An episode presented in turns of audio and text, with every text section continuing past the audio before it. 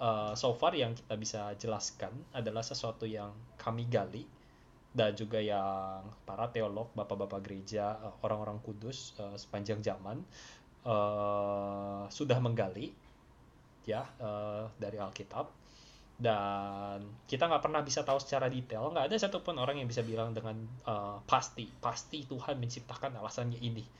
Alkitab hmm. juga nggak nge-state jadi disclaimer bahwa ya yang kita bisa kasih sangat-sangat limited bahwa dan itu lahir daripada iman kami bahwa kami percaya uh, Allah yang kami percaya ini adalah Allah yang baik Allah yang maha kuasa dan Allah yang maha tahu. Uh, apa pun definisinya itu apakah sesuai sama definisi lo atau enggak ya that's your problem.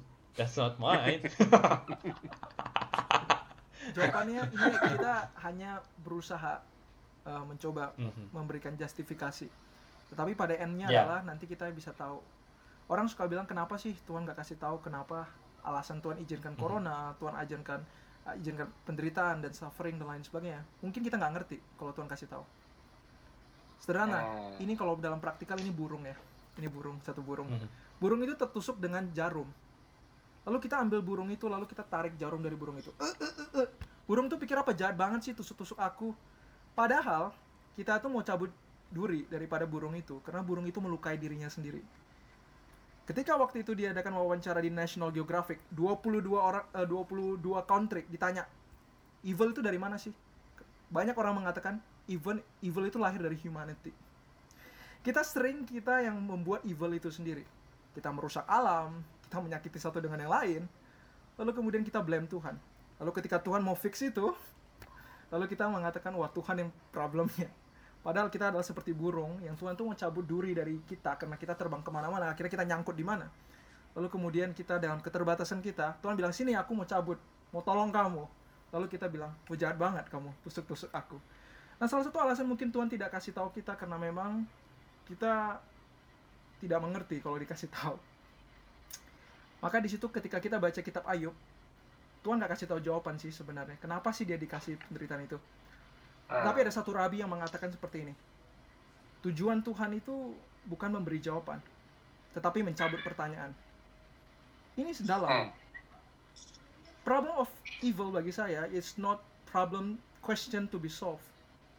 Kristus datang bukan untuk memberikan jawaban, tetapi Tuhan datang untuk mencabut pertanyaan. Dan jawabannya adalah di dalam pribadi dia.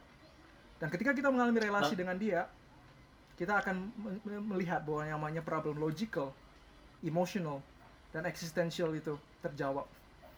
Maka ini mungkin satu perspektif yang bisa menambah kedalaman kita ketika kita melihat problem of evil. Tetapi bukan berarti kita nggak usah jawab. Kita juga harus berusaha melihat, menjawab. Tapi seperti yang Bro katakan, itu parsial karena ya ini sangat dalam kalau Tuhan kasih tahu pun belum tentu kita terima atau kita mengerti hmm.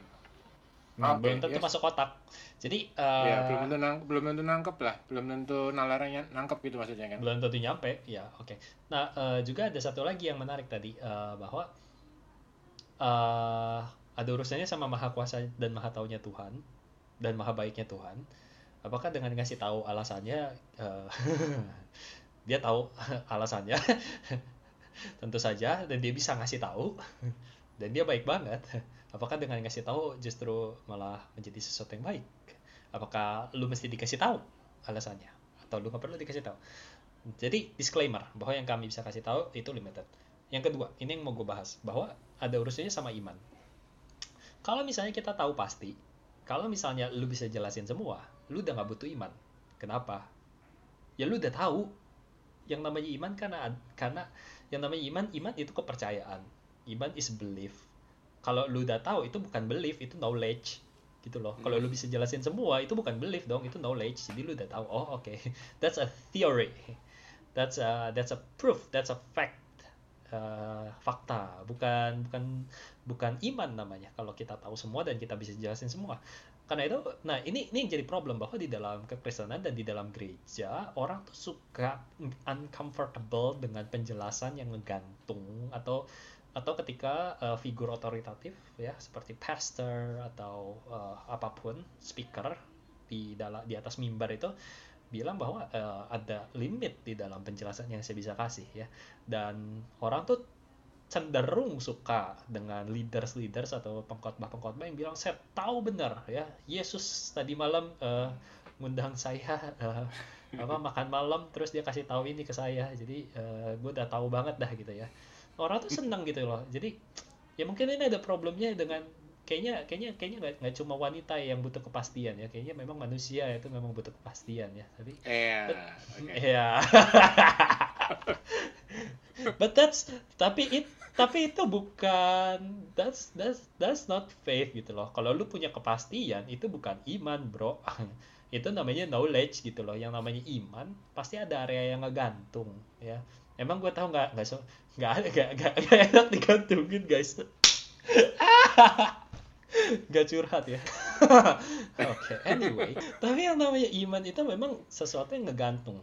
Yang namanya iman itu sesuatu yang uh, yang namanya ada ada satu ada satu teolog keren, filsuf keren namanya seorang Kierkegaard ya. Gue lupa itu seorang Kierkegaard nggak sih? Kayaknya Kierkegaard ya.